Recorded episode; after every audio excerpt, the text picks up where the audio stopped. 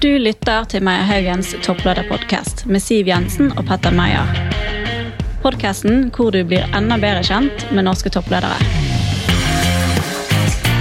Jeg skjønte tidlig at jeg kan ikke kreve respekt bare fordi jeg har en rolle og en tittel. Det er noe jeg får. Så der, det å vinne tillit jeg håper liksom er et, et varemerke. Da. Det tror jeg som er viktig nesten i alle relasjoner. Jeg tror aldri for gitt at fordi jeg er toppleder, så så kommer det med en, eh, noen rettigheter da, som eh, tillater at jeg kan ha en, så mye mer atferd enn å være som et godt medmenneske, eh, vise empati og, og være hele tiden den konstruktive linjen. Det er, det er krevende. Mitt navn er Petter Meyer, og jeg er managing partner i rekrutteringsselskapet Meierhaugen. Med meg har jeg Siv Jensen, og i dag skal vi prate med en veldig spennende gjest. Ja, det må jeg si. Dette er jo en gjest som leder en litt annen type selskap enn vi har uh, hatt på besøk før. Det er altså ingen ringere enn Alexander Voksen, som er CEO i Hudley. Velkommen. Tusen, tusen takk. Og, men før vi da knekker i gang hvem du er, men Hudley, hva er det dere driver med? Hudley, vi lager uh, videokonferansekameraer, avanserte, altså såkalt intelligente kameraer, som ser mer enn bare å fange et rom. Det fanger mennesker, fanger kroppsspråk og veldig mye av det som er den ikke-verbale delen av kommunikasjonen, som er veldig, relevant nå i disse tider hvor vi jobber veldig hybrid. Jeg skal prøve å unngå å bruke det ordet altfor mye, men i hvert fall når vi er mer på video enn det vi har vært noen gang tidligere. Så da er antas at ca. 50 av kroppsspråket um, og Det egner seg dårlig for dette publikummet, men det er, altså ikke, altså er eh, det ikke-verbale kroppsspråket. Så hvis eh, Siv himler med øynene, så har det vært kanskje ok for de som er på utsiden av rommet, å se at der var det et eller annet som, ikke, som er så lett å lese, hvis ikke det følger et eller annet, eh, en eller annen ordveksling med det. Og Så settes dette sammen i systemer som selges da um, primært i USA og også store deler av Europa. Vi har ca. 300 000 systemer uh, ute. Eh, veldig, ja, blant de største selskapene i USA til uh, også de mindre. Men uh, hovedmarkedet vårt er altså i statene. Det der er ganske spennende. Og, og, og alle her vil sitte bruke noen hundre eller kanskje til og med tusen timer på, på Teams eller Huddy-systemene, selvfølgelig. Men det skal vi komme mer tilbake til. Men vi har lyst til å bli bedre kjent med deg. Fortell litt om en fun fact med deg. Er det noe vi ikke vet? Noe som er litt moro? Litt løent? Fun fact med meg, ja, hva skal det være? Det, jeg kunne jo sagt at jeg har hatt hjerneslag, men det er vel ikke akkurat fun fact. Uff. men det er en fact, i hvert fall. Uh, av fun, uh, det må jo være å skulle prøve å ta flysertifikat etter å ha hatt hjerneslag. Det er, det er ikke lett. For Luftfartstilsynet vil ikke ha folk oppe i fly som har en viss risiko for at det skal skje igjen. Så det er, det er lang, lang lang historie som jeg kunne sikkert tatt en og to og tre podcaster til. Men det er vel jeg satt oss i Geir feil retning nå. Det var ikke noe fun fact i det hele tatt. Nei, men du har det bra nå. Jeg har det kjempebra. Altså for meg er det jo litt sånn fun, for det er jo liksom det å Det går bra. Mm. Men eh, det er en fact som på mange måter eh, preger jo hva skal jeg si, det preger jo bevisstheten rundt det man gjør, og velger, ikke minst det du velger ikke å gjøre. Og gir et perspektiv som også er nyttig som toppleder i det man gjør. Så men av fun fact så leder jo det til at jeg da flyr modellfly i stedet. Ja, Hvis jeg skal lande den. ok. Uh, så, men alt det med fly og teknologi, er det en passion for deg, vil du si? eller? Ja, det er en passion. Jeg ble bedt om av de um, vi har, en, vi er 130 ansatte, og, og 60-70 av de er ingeniører. Og De har sånn der ukesprint hvor de spurte Alexander, kan ikke du komme nå er det sånn nummer 100, nå må du komme og fortelle liksom, hva, hva er din passion, hva du gjør. Og Det er jo fantastisk dyktige folk vi har ansatt, og dyktige mennesker har gjerne en passion for noe annet også. Eh, og Det kan være alt fra som soppplukking eh, og sikkert andre, andre, ting også, knyttet til hva du kan gjøre med det, og opp til andre mye annen passion. Og så sa jeg at fader, jeg kom hjem og tenkte hva er det jeg har liksom ikke én hobby. ikke sant? Altså, jeg, har ikke, jeg har ikke én hobby, men jeg har eid litt av en hest. Jeg har uh, fløyet litt modellfly. Jeg begynte med pistolskyting eh, som en litt sånn voksenbowling. og Så ble det stengt av politiet, og så gikk ikke det lenger. Uh, så det var sikkert ikke sånn et bra sted å være. og så tenkte Jeg at jeg er egentlig god på å prøve nye ting. Jeg tror jeg er nysgjerrig, så Hvis jeg har passion for noe, så er det ting jeg ikke helt kan og som jeg har lyst til å lære meg og lyst til å smake litt på. Så siste jeg gjorde nå, var å kjøpe trommesett til familiens uh, store glede. ja. Jeg bare ser åtte ulike podkaster her, spesielt jeg likte det med pistolskyting og voksenbowling. ja. Men du, vi har dette med tre kjappe, og de er vi kommer tilbake til det i slutten av sendingen, men da har vi tre spørsmål. Vi har bare lyst til å høre hva du sier. Og første spørsmål er hva gjør du for å bygge kultur i selskapet ditt? Og du har jo vært borti mange selskaper opp gjennom årene, så rett og slett interessert i å høre om det. Så lurer vi på hva ville du gjort hvis du hadde møtt Putin på gata i dag? Og så eh, siste er Har du en kulturopplevelse, enten bok, film eller serie eller teater, som du vil på en måte slå et ekstra slag for? Og eh, da prater vi om det mot slutten av sendingen. Men eh, Hødli, Siv. Ja. Hudley er jo Du har jo allerede i introen her sagt litt om det selskapet, men jeg syns jo det er spennende når eh, dere har klart å utvikle teknologi som fanger opp som du sier, den nonverbale kommunikasjonen, for den er så utrolig viktig. Og jeg merket det i hvert fall veldig godt de første Teams-møtene, at det var, det var noe jeg ikke klarte å fange opp når jeg satt og ledet møter. Eh, og dette er så viktig del av den totale kommunikasjonen vår. Så hvordan har dere klart å liksom komme på at det var viktig, da, å utvikle den teknologien? Nei, det er, det Det fine er jo at det har veldig litt med meg å gjøre, og veldig mye med eh, dyktige gründere. eh, helt til å begynne med, som så dette her for eh, skal si, De begynte vel i sånn 2013-2014, og første produktet kom ut i markedet i, for fire, snart fem år tilbake. Og så For dem har det vært viktig på en måte, det de kaller for demokratisere møter. om så Videokonferansesystemer er ofte litt tungrodde. Dette er jo team som kom ut av Tandberg-Sisko-miljøet. hvor liksom Alt med videokonferanse var, var stort, det var tungt, det var dyrt. Det var lite tilgjengelig, det var forbeholdt et, altså kanskje noen få rom. eh, Litt avhengig av hvor stor virksomhet man er. Og alt annet skjedde liksom én til én på det som da var, eh, eller fortsatt er. F.eks. En, en laptop hvor du har lite videokamera, og du brukte Skype, og så er det Teams og Zoom og alt det som har kommet i ettertid. Så de, Det de ønsket å løse, var jo å demokratisere dette. At de gode, men veldig dyre opplevelsene skulle bli mer tilgjengelige for alle typer møtesettinger. Eh, Sånn type sånn huddle rooms, altså hvor man bare samles, nesten som vi står her nå. ikke sant? Og eh, ikke bare de tunge altså konferanserommene. Skulle være tilgjengelig. Og mye av det de har jobbet med siden den gang, har jo vært å forstå liksom, hva, egentlig, hva er brukeratferden. Hvordan jobber vi i møter, og hvor, eh, hvordan øker den avstanden hvis vi har eh, med det digitale medier da, som eh, mur mellom oss når vi ikke helt ser kroppsspråket, og det blir litt rart. Jeg tror vi alle har kjent på dette tidligere da vi har vært på sånt, eksempel Teams-møte hvor alle, alle sitter på hver sin PC, så blir det bare mange frimerker som er på en måte, det er alle like dårlig representert på et sett og vis. Og så I den verden vi er nå, så er det kanskje noen som sitter på avstand, og så er det noen som sitter i et rom. Og de har ikke den samme opplevelsen av møtet. De sitter med to veldig ulike oppfatninger av møtet. Det er kanskje noen sånne lissepasninger som eh, skjer underveis, som ikke er mulig å plukke opp, men ve vel så viktig er det der, den dynamikken. Dette er slitsomt, det er krevende å sitte back to back mange timer hver dag uten å ha eh, en god opplevelse av møtet. Så det blir på en måte sånn type møtefatigue. da. Så det var jo ikke noe nytt. Det er ikke noe de løser nå. Det er noe de egentlig løste for lenge siden. Det er bare at problemet har liksom blitt, eh, Relevansen til problemet har bare blitt så helt sikkert vokst med en faktor av et eller annet. Og det er det jeg synes var spennende, var liksom å jobbe med da, dyktige ingeniører som har jobbet lenge, og designere, som har hatt en passion for nettopp å løse noe som ikke var så åpenbart den gangen, og nå er det blitt uh, langt mer eh, relevant. Og så er det gøy med norsk teknologi som selger ute. Men er det derfor du Altså, du har jo ikke vært eh, toppleder for Hødli veldig lenge. Er det ti, ti måneder eller noe sånt? Ja. Så Hvorfor, jeg- du, hvorfor gikk du dit, med den bakgrunnen og erfaringen du har? Altså, inngangen min til selskapet var egentlig som første investor. Da vi var i, jobbet i Startup Lab og ledet det, så hadde vi en, et fond som backer gründere i en veldig tidlig fase, og egentlig tar type risiko ingen andre tør å ta. Som er eh, Teknologien er på, knapt påtenkt, den er ennå ikke sett markedet, du har ikke fått inn de første ansatte. Og det var som det, det var inngangen, og jeg jobbet med selskapet i den spede begynnelse. Og så kom den muligheten her tilbake. Jeg hadde egentlig ikke sett på meg selv som noe spesielt toppledermaterial. Jeg har jo alltid vokst opp i styrerommet med litt avstand til mange av de utfordringene som er som i hverdagen.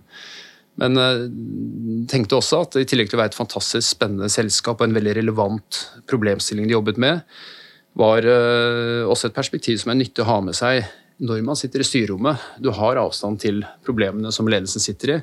Og det å tror jeg som har riktig empati og forståelse, det vil jo uansett i en senere karriere gjøre meg mer, bedre utstyrt. Men det som er interessant her, er at hva er framtiden for videokonferanseutstyr. Hvis du da skal se inn i glasskula, enten i deres egne produkter eller hos de dårlige konkurrentene deres, eh, hvordan, hvordan vil denne møtefasilitering foregå om noen år, da? Nei, det er som krystallkulen, da. Ehm, Er det 3D, eller hva vil skje? Nei, Jeg håper jo ikke det. Jeg håper ikke vi som ender opp i et metaunivers hvor ikke vi kan møtes fysisk, eller hvor de har det bedre av å ikke møte fysisk. Uh, Men det Gud vet. Uh, Så det vi gjør, er å prøve å gjøre senke tersklene så det er eh, så naturlig som mulig, selv om vi da har gleden av å være veldig produktive. Altså, Mye av gevinsten vi har med video, er jo produktivitetsgevinsten. Skal du flytte på deg i et møte, så er det sånn du, du mister tid. da. Så jeg tror veldig mange nå regner litt på hvor mye tid taper du på å forflytte deg fra et møte til et annet, kontra det å kjøre det digitalt. Men vi ønsker at det skal være naturlig, det skal være riktig, det skal være som om vi sitter i det samme rommet, og ikke prøve å dra oss ut i en sånn 3D-verden eller eh, avatarer. Men vi ser veldig ulike, ulike tilnærminger. Vi har jo noen um, av disse store plattformaktørene som forfekter at vi skal bygge om møterommene. Vi skal alle sitte, for det er så oppnå, det å være likt representert er viktig. sånn det quality inclusion-type uh, som er høyt oppe på agendaen. Særlig amerikanske markedet. Og da uh, er det jo noen som tar til orde for at la oss bare redesigne alle møterom, så vi alle sitter liksom mot veggen. Så alle er liksom likt representert også andre veien. da. da men det kan jo også være et argument for at da blir ganske dårlig representert. Så det å dra alle ned på én norm er kanskje ikke nødvendigvis veien å gå. Vår jobb er jo å få teknologien til liksom å tilpasse møterommet uansett hvordan det er. Det kan være ute i åpne omgivelser, og det kan være i eh, hvilket som helst møtescenario. da. Eller hjemme. Så det er fleksibiliteten i teknologien som er vår, eh, vår fanesak. Men så Hudley er jo et veldig ungt selskap, men som ser ut som lykkes veldig fort. da. Eh, og du har jo veldig mye erfaring nettopp fra det å starte opp nye bedrifter. og Jeg er litt nysgjerrig på dette her, for at vi har en sånn ja, litt sånn inngrodd kultur, norske folkesjeler, hvor eh, vi, de fleste er mest komfortable hvis de er ansatt i et selskap, og at noen tar seg på en måte av alt. Eh, Så gründerskap var liksom ikke veldig fremtredende i Norge inntil Jeg er ikke helt sikker på akkurat når det skjedde. Men hva, hva har skjedd? Hvorfor har det blitt sånn at flere og flere syns dette er spennende og tør å ta mer risiko og satse herre min hatt, pansette hus og hjem og alt mulig? Ja, det er Jeg tror det, er sånn det går litt i bølger. Så det har helt sikkert vært ulike epoker sånn før, før min tid i den verden også. Men eh, det første jeg eh, ble kjent med, var det som var liksom rundt dotcom-tiden. Hvor det var en eh, ganske sånn sterk gründerbølge som trolig var veldig inflatert og, og forsvant. I Norge forsvant jo det omtrent sånn rundt eh, tidlig 2000. Og så var det energipriser og, som, og mye satsing på Norges primære næringer som på en måte dro talent da, i en tiårsperiode etterpå. Hvor man kanskje i både Sverige og i Silicon Valley og noen andre clustere så en ganske rask oppblomstring av det vi nå har liksom sett rundt oss her også. Da.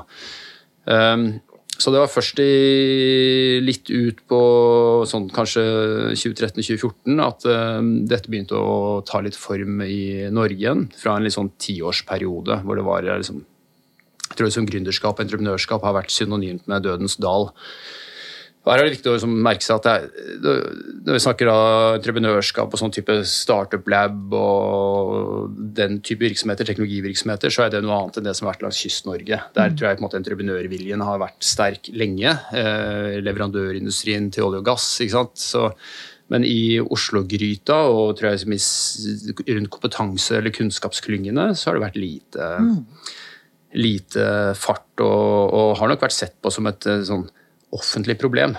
Så Da jeg begynte i, i Forskningsparken før vi etablerte Startup Lab, så var det en eh, det, tror jeg liksom det var Siva det var Innovasjon Norge som måtte ta seg av dette. og Så kom Argentum som skulle ta seg litt av det. Og så prøver man å få noen sånne byggeklosser på plass som skal liksom være fanebærer for dette. Og så har vi vært opptatt av at dette her er jo dette handler i hvert fall om kultur. Dette handler jo om eh, hvem er det som appelleres til å gjøre noe så dumt som å starte et firma. Ikke sant? Og i, i, som, I en normalfordeling så har du liksom manikerne og romantikerne som alltid er til stede. De som tråkker over det ene og det andre for liksom, fordi de har en ekstrem liksom, dedikasjon og passion. Og så er det romantikerne som syns det er utrolig deilig å være egen sjef nesten uansett hva, hva de gjør. Og så, men hoveddelen av befolkningen er litt sånn risikobevisste, om ikke er verste, men i hvert fall bevisste.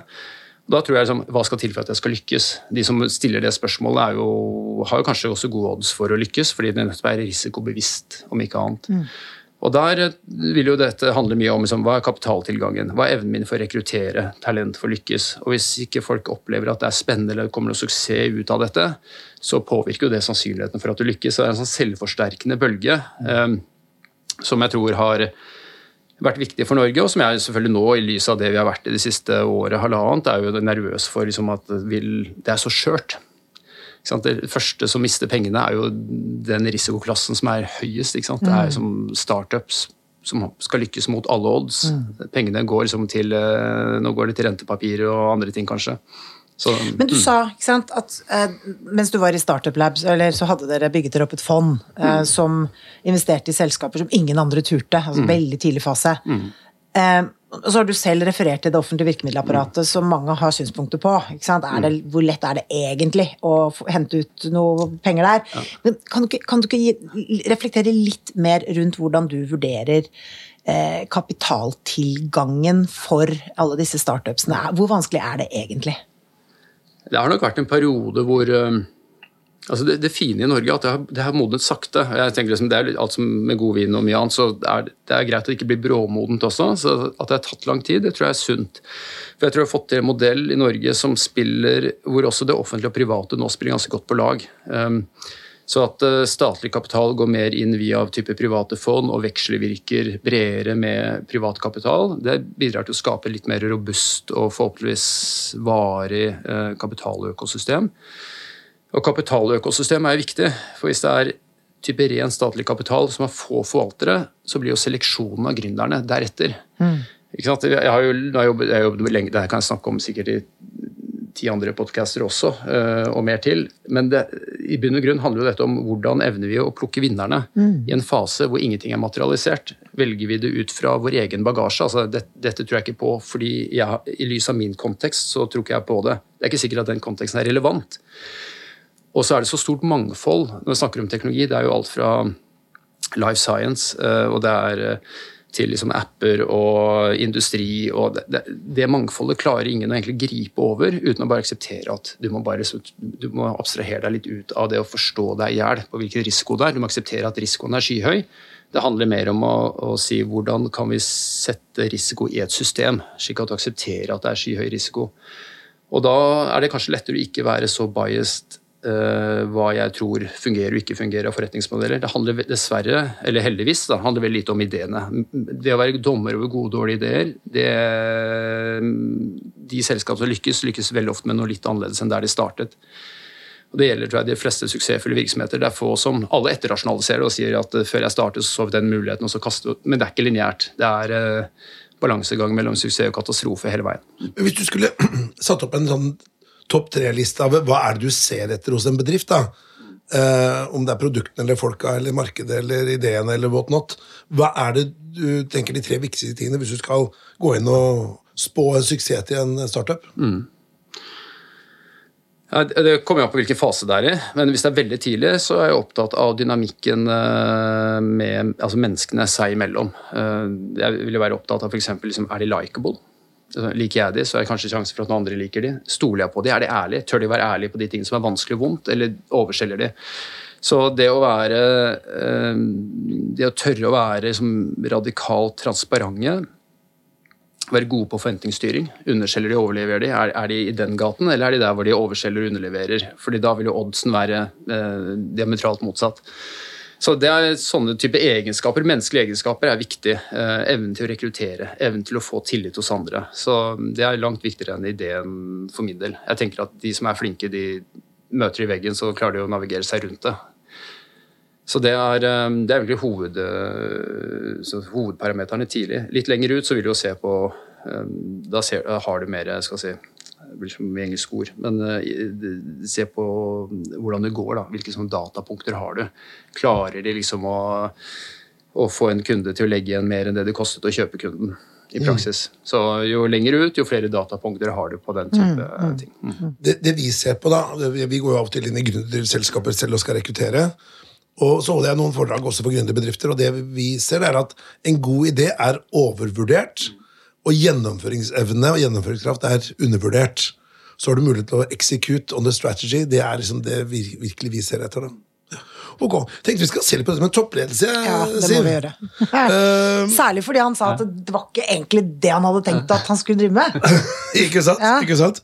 Men du, uh, Siv, jeg lurer på, kan man lede hva som helst? Eller er det stick to your guns? Det, er, det vil jo tiden vise seg for, for min del. Jeg, jeg har jo ikke noe sånn bransjeerfaring i den virksomheten jeg nå leder. Så jeg kom egentlig inn som en litt sånn generisk eh, Jeg tror jeg er sånn rimelig analytisk. Jeg, jeg er veldig glad i mennesker, så jeg tror jeg er flink med mennesker.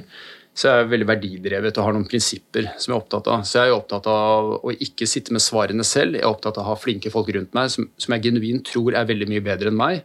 Og det er min tilnærming til ledelse. Så i kontekst av det så er det nok eh, Eh, tror jeg man kan ha ganske sånn generisk eh, tilnærming. Men det kommer også an på hvilke situasjoner du er i. Så Hvis det er en turnaround og ta, altså det er kriseledelse, så vil du kanskje ha behov for å kunne filtrere og lese bildet mye mye mer, mye mer intenst enn eh, å være avhengig av at alt vektes og veies og vurderes og alle kommer med anbefalinger.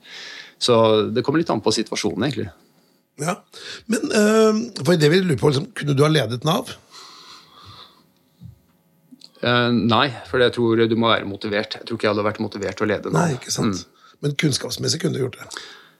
Uh, Det, det tror jeg nok jeg kunne gjort, ja. Mm. Ja. Um, når, tid du, eller når tid skjønte du selv at du kom til å bli toppleder? Nei, Det var da jeg ble spurt i høst. Ellers så hadde jeg egentlig satt meg inn på et spor om å at, Litt avhengig av hva du legger i toppleder, da, men det jobber med Altså, Toppleder styre er og- CEO, altså du Ja. er sjef for et selskap, stort eller lite? Ja, ja, ikke sant? Så det regner med at Hvis du tar styreleder ut av den uh, ligningen, så eh, hadde jeg vel egentlig kanskje bestemt meg for at det skulle jeg ikke gjøre. eh, overlate det til andre. Og jeg tenker at jeg er, tror jeg er flink mentor, jeg tror jeg er flink til å jobbe med mennesker, jeg er flink til å jobbe med ledere. Men den tanken har jeg liksom anvendt da videre inn i den bedriften jeg leder. at det handler ikke om å være den som sitter med svarene, det handler om egentlig å være egentlig flink eh, Det handler For meg handler om å holde de motivert. Sørge for at de er best skikket til å gjøre en jobb, at de er komfortable, de vet hva som forventes.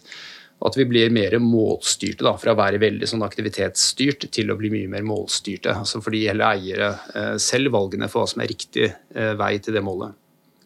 Vi er jo et rekrutteringsselskap, så vi er veldig opptatt av rekruttering. Da. Hvordan jobber du med rekrutteringa for å plukke de beste folka til Hudley og andre selskaper du jobber med? Ja, jeg starter med noe som for oss som er, eh, er viktig Det kommer litt an på selvfølgelig hvilke liksom, grener, da. men ta ingeniørene, som er den liksom, største eh, kunnskapsklyngen, så handler det om kompetansetettheten. Hvilken kompetanse har vi allerede i selskapet? Hvilken kultur har vi? Og det påvirker og styrer i stor grad hvordan vi klarer å tiltrekke oss talent. Og, og her er det dette er jo kravstore eh, personer ut fra andre type egenskaper enn hva jeg ville kanskje vært opptatt av i forhold til hvordan jeg ville jobbet med ledere. Um, Men eh, kultur for meg er veldig viktig. Så bare svare på altså, hvordan kultur, hvordan atferd, hvor, hvor god er du som menneske? Altså, da, så det, jeg er veldig sånn prinsippdrevet og verdidrevet som person.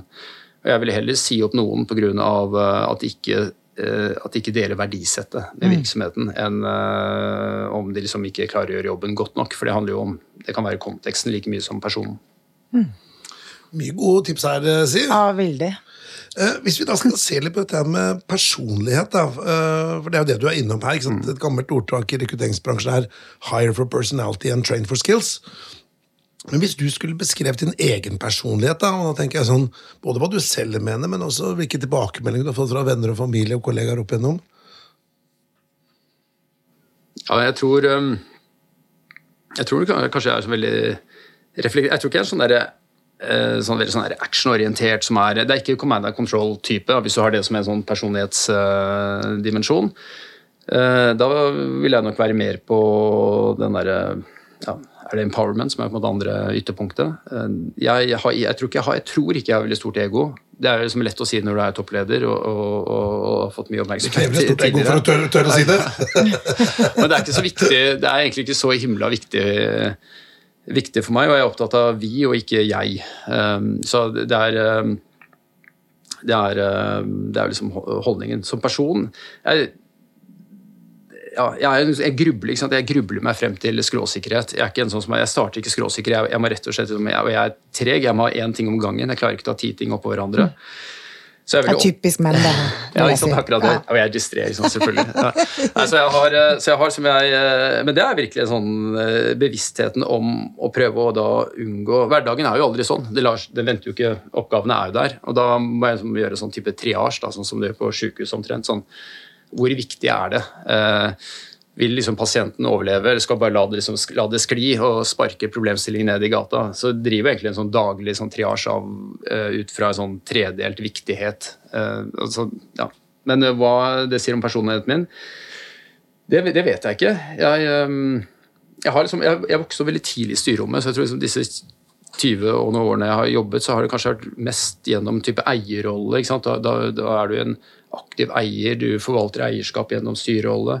Og som ung, da, og kanskje hadde ledere som jeg skulle jobbe med som var vesentlig eldre og mer erfarne, så ble det kanskje veldig bevisstheten om eh, det er nesten sånn diplomatiets kunst. Det å liksom levere en melding uten å si altså Ingen skal ta på ansikt, og, og, og hvem er du til å synes at noen, altså dømme noen som er eh, mye mer senior enn deg? Det er klart at det jeg skjønte tidlig at jeg kan ikke kreve respekt bare fordi jeg har en rolle og en tittel. Det er noe jeg får. Så der, det å vinne tillit Tillit er kanskje liksom jeg håper liksom er et, et varemerke. Da. Det tror jeg som er viktig nesten i alle relasjoner. Jeg tror aldri for gitt at fordi jeg er toppleder, så, så kommer det med en, noen rettigheter da, som tillater at jeg kan ha en, så mye mer atferd enn å være som et godt medmenneske, vise empati og, og være hele tiden den konstruktive linjen. Det er, det er krevende.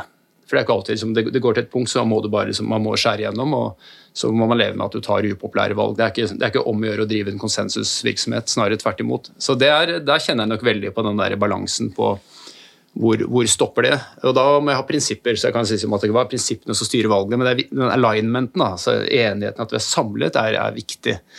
Og så og fordi det er vanskelig, så bygger vi da inn prinsipper som er tydelige på at vi skal ikke alltid være enige. Så i verdisettet vårt i Hudley så er vi også øh, konstruktiv uenighet. Det er helt greit. Vi skal ikke tvinge gjennom det. Så det er viktig å da ha en motoffensiv for at vi ikke liksom havner i en sånn treghetssystem vi aldri kommer ut av, men at vi faktisk det er helt greit å være uenige. Det er greit at ikke alle er med på mm. beslutningene. Du, jeg tenkte vi skulle gå litt over til disse personlige egenskapene som vi vet av forskning vi, eh, korrelerer veldig mye med topplederskap. Og da kommer jeg til å bare lese de opp høyt, og så, og så kan du bare si ja eller nei, og så kommer vi til å nyansere det litt etterpå. Er det greit? Ja. Har du høyt energinivå? Det tror jeg, ja. Mm. Eh, har du høy stresstoleranse? Mm, ja, det tror jeg. Jeg føler jo selv jeg ikke har det, men jeg tror i forhold til eh, mange andre, så tror jeg absolutt ja. Mm. ja. Har du høy selvtillit? Ja, sånn akkurat passe. Mm. ja. Eh, Mener du at du har påvirkningskraft på verden rundt deg? Til en viss grad. Ja. Eh, er du resultatfokusert? Veldig. Eh, er du overbevisende overfor andre? Ja. Hensynsfull? Ja. Besluttsom? Mm, midt på treet. Jeg grubler meg nok eh, frem til skråsikkerhet, og så er jeg litt låst etterpå. Ja. Optimistisk?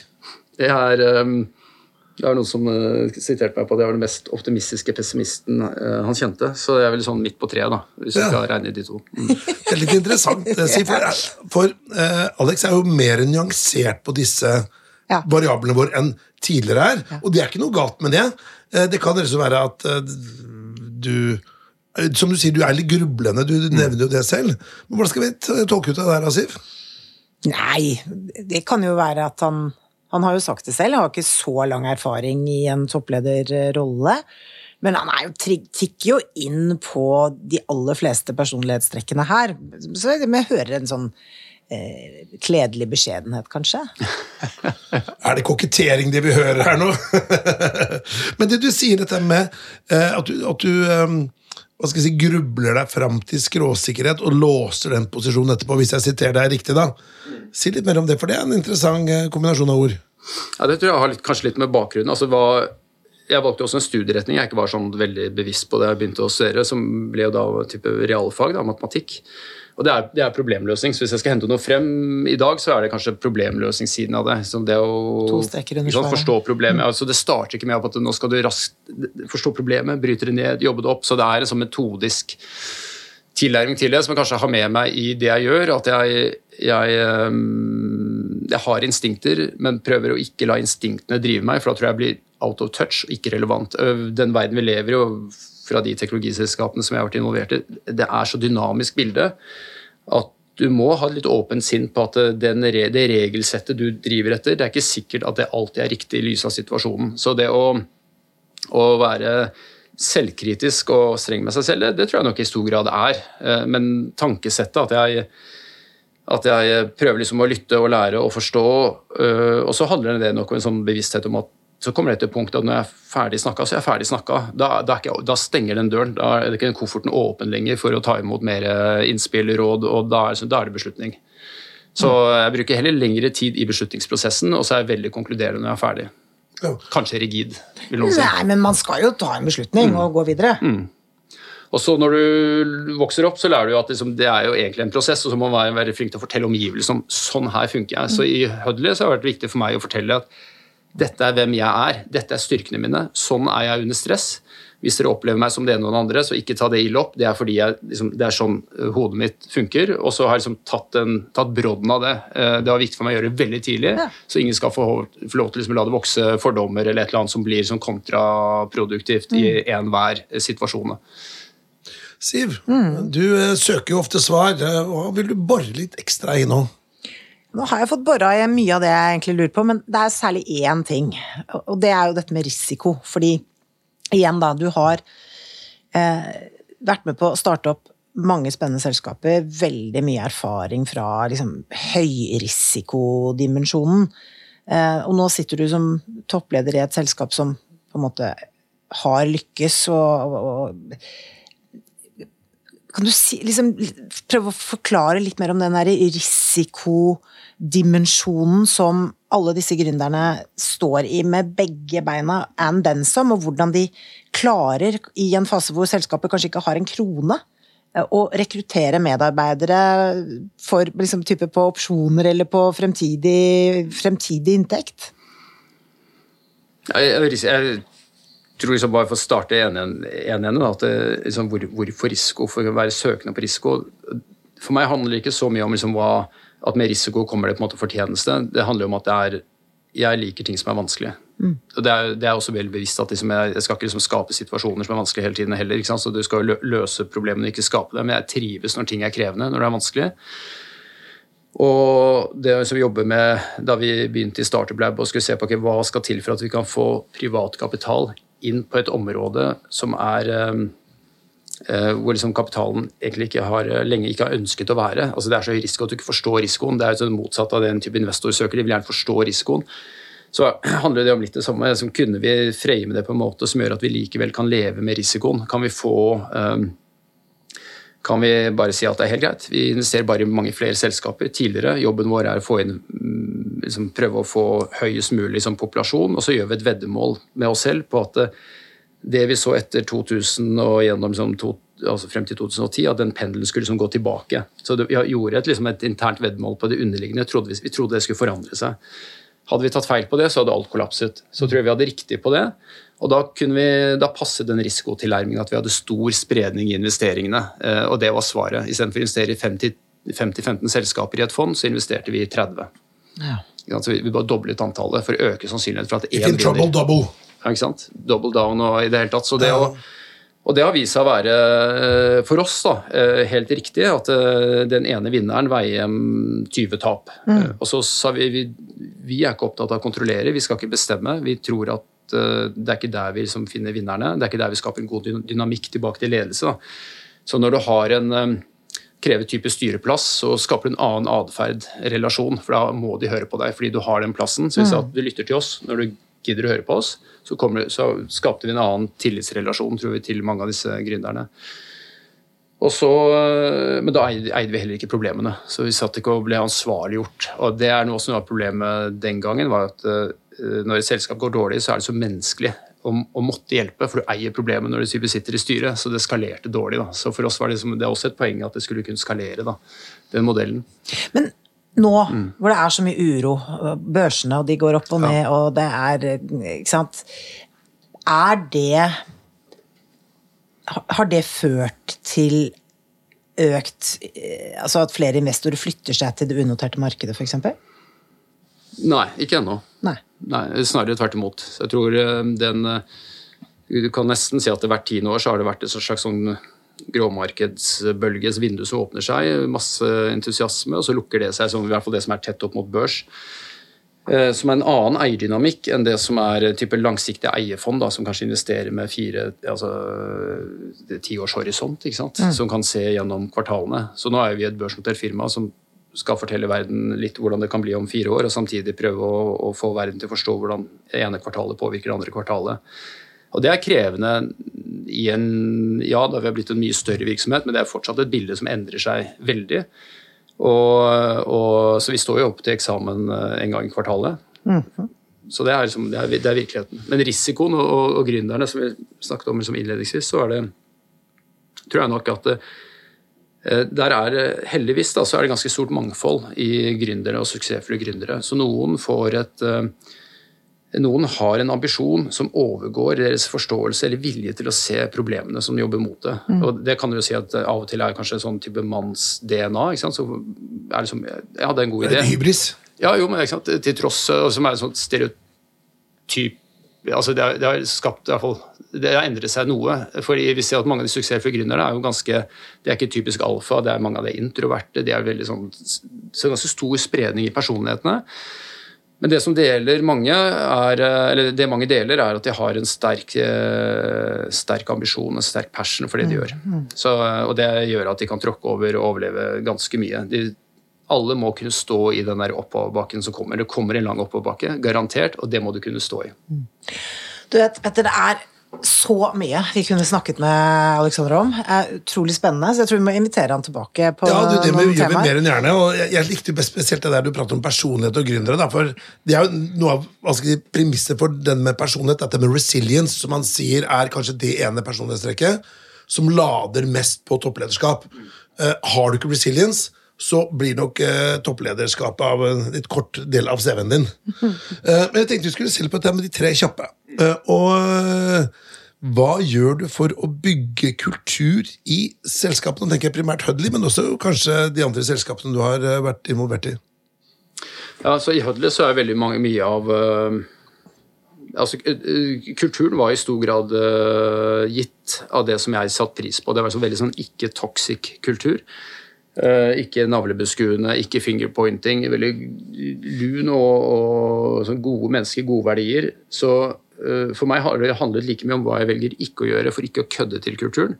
Det vil si at jeg prøver å bokse inn det som er, men ikke lage den så trang at alle må endre veldig hvordan de jobber fra en dag til en annen. Mm. Så det handler like mye om hvordan å ikke tulle til det som egentlig er bra i utgangspunktet. Eller så er det tilbake til, eh, til hvordan kan vi skape en god lederkultur i Hudley. Uh, Tydelige mål. Hvordan setter vi prioriteringer? Gå fra å være veldig sånn issue-drevet, issue opportunity, som kommer måte, uke for uke, til å bli mye mer sånn, fokusert på sånn, kvartalsvise prioriteringer. Vi må eie prioriteringer, vi må eie skjebnen vår. Og få en lederkultur som kanskje er mer tilstedeværende og mer tydelig. Um, så det har vært, eh, det har vært viktig. Og, verdiene. Verdiene var noe av det første vi tok tak i. Liksom, være bevisst verdiene. Det handler ikke om at jeg skulle fortelle virksomheten hva verdiene var, det var å prøve å få alle involvert i noe som de kjenner seg igjen i og, og eier i fellesskap. Så verdidimensjonen tror jeg er uh, bevisstgjøringen rundt, rundt, det. Og så er jeg også veldig bevisst at kultur kommer på mange måter ovenfra. Det, det er jo en kultur i virksomheten, men det, er lett å sette da en dårlig kultur, en dårlig presedens. Så jeg tenker at Eh, vi leder som vi er ledet, så da starter det med å lede på en uh, god måte. Og så tror jeg at det liksom detter ned i organisasjonen. Jeg får litt, lyst, jeg får litt lyst til å få han som sjef, jeg. ja. ja. Det er, jeg må bare si at det er veldig eh, Vi har jo fått et tips om deg. Nå, denne, vi har jo fått et tips om eh, Alex til den topplederpodkasten, og, og da ble det pratet veldig varmt om han, da. Eh, og det var fra folk internt i, i selskapet ditt, så det er åpenbart noe som holder i det. Eh, hvis du hadde møtt Putin i dag, er det liksom godt eh, frisk snøvær i Oslo, eh, hva hadde du gjort, eh, hva hadde du gjort da? Nei, det, det er øh, Hva hadde jeg gjort da? Herregud. Det beste for verden hadde vel liksom vært å spenne benen på han og så øh, latt han øh, slå seg ordentlig. Men nei, så jeg møtte han på gata. Nei, det måtte vært å Måtte ha invitert ham på en øl, da. Ja. Prøve å nå frem til han. Jeg kunne foreslått noe mer voldelig som sikkert hadde gagnet verden bedre, men det er, som ikke, det er ikke helt i tråd med min stil heller. Så jeg tror jeg måtte satt meg ned med han. Ja. Kjørt litt um, modellfly og Ikke, ikke, liksom, ikke tatt enda en pekefinger. Hvis det var mulig, liksom, er, er det noe bak der, så Hva er drivkraften der? Ja. Sikkert ganske konstruktivt. Ok, siste spørsmål. Um, er det en kulturell eh, ting du ønsker å fremme? Enten film, bok, serie, teater? Jeg har vært med på, på den Ammo på TV 2. Oi. Hvis det er lov å si det. Ja, Ja. Men, men jeg har ikke vært med og spilt, men jeg har vært med på en disse her rollene. Så det, har vært, det er vel liksom det Jeg føler jeg har liksom litt ansvar for å nevne det, da.